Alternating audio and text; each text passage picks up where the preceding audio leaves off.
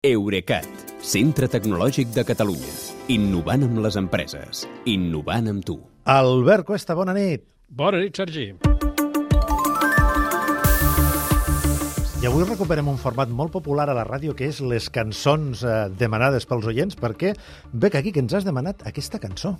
Rata inmunda, animal rastrero, escoria de la vida.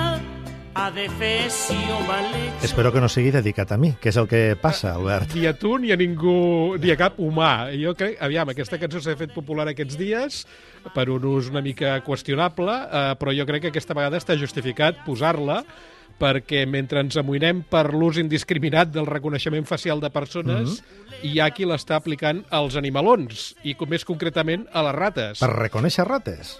Per reconèixer rates, hi ha dues empreses britàniques, la Teleco Vodafone i l'empresa de neteja i control de plagues RentoKit Initial, que estan experimentant amb el reconeixement facial de rates i ratolins com a eina per erradicar-los de les llars. Uh -huh.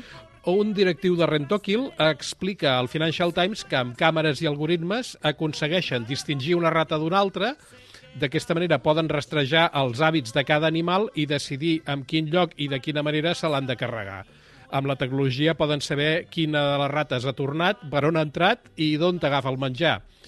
Aquesta gent de Rentokit Initial eh, és un nom que potser us sonarà d'haver-lo vist amb dispensadors de sabó, aixugamans eh, i desinfectants de locals públics, però és l'empresa més important del món amb control de plagues. I porten un any i mig provant el sistema en condicions reals amb Vodafone, però diu que han avançat molt des de l'any passat quan va comprar l'empresa Eitan Amichai, que és especialista en reconeixement facial i potser no et sorprendrà que sigui israeliana. Uh, a més de llars, mm. el sistema aquest ja l'estan provant, de, aquest de, de reconeixement de rates, ja l'estan provant amb despatxos i en fàbriques d'aliments, que doncs, és una cosa crítica, però també es preveu que el mercat principal seran les megaciutats del futur a països com la Xina, l'Índia o Indonèsia. El que sí que és cert és que no és la primera vegada que sentim a parlar d'una aplicació de reconeixement facial a animals en general. No, no, potser els oients més fidels d'aquest espai recorden que fa gairebé 5 anys ja vam explicar que una empresa americana està identificant amb càmeres els salmons de les piscifactories que té a Noruega per detectar quins són els que tenen una determinada malaltia, amb unes uh, marques que els hi surten, unes pupes que els hi surten al voltant dels uh -huh. ulls, i aleshores els separen automàticament dels altres per evitar que també els infectin. I de la mateixa manera, el conglomerat agro agroalimentari Cargill, que aquests també són americans, fan servir càmeres d'identificació facial per reconèixer els caps de bestiar, sobretot vaques, que no estan, diguem-ne, tot, tot catòliques, de tot en forma, i així les poden rastrejar dins de l'explotació ramadera i vigilar com evolucionen. En aquest cas es veu que el distintiu, el tret distintiu de cada vaca és el morro.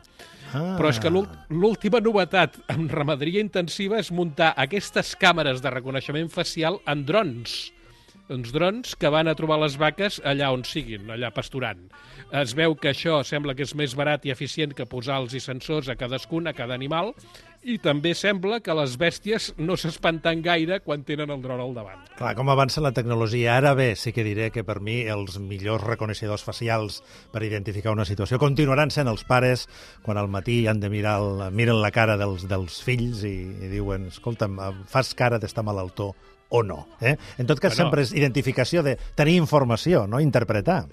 Ah, sí, i no només els pares, també les parelles, eh? Efectivament, quan, quan saps, ui, avui pot ser no seria el millor dia per parlar, per exemple, d'aquest tema. Albert Cuesta, gràcies com sempre i bona nit. Bona nit, Sergi, fins demà.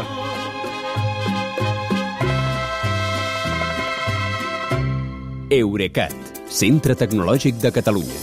Innovant amb les empreses. Innovant amb tu.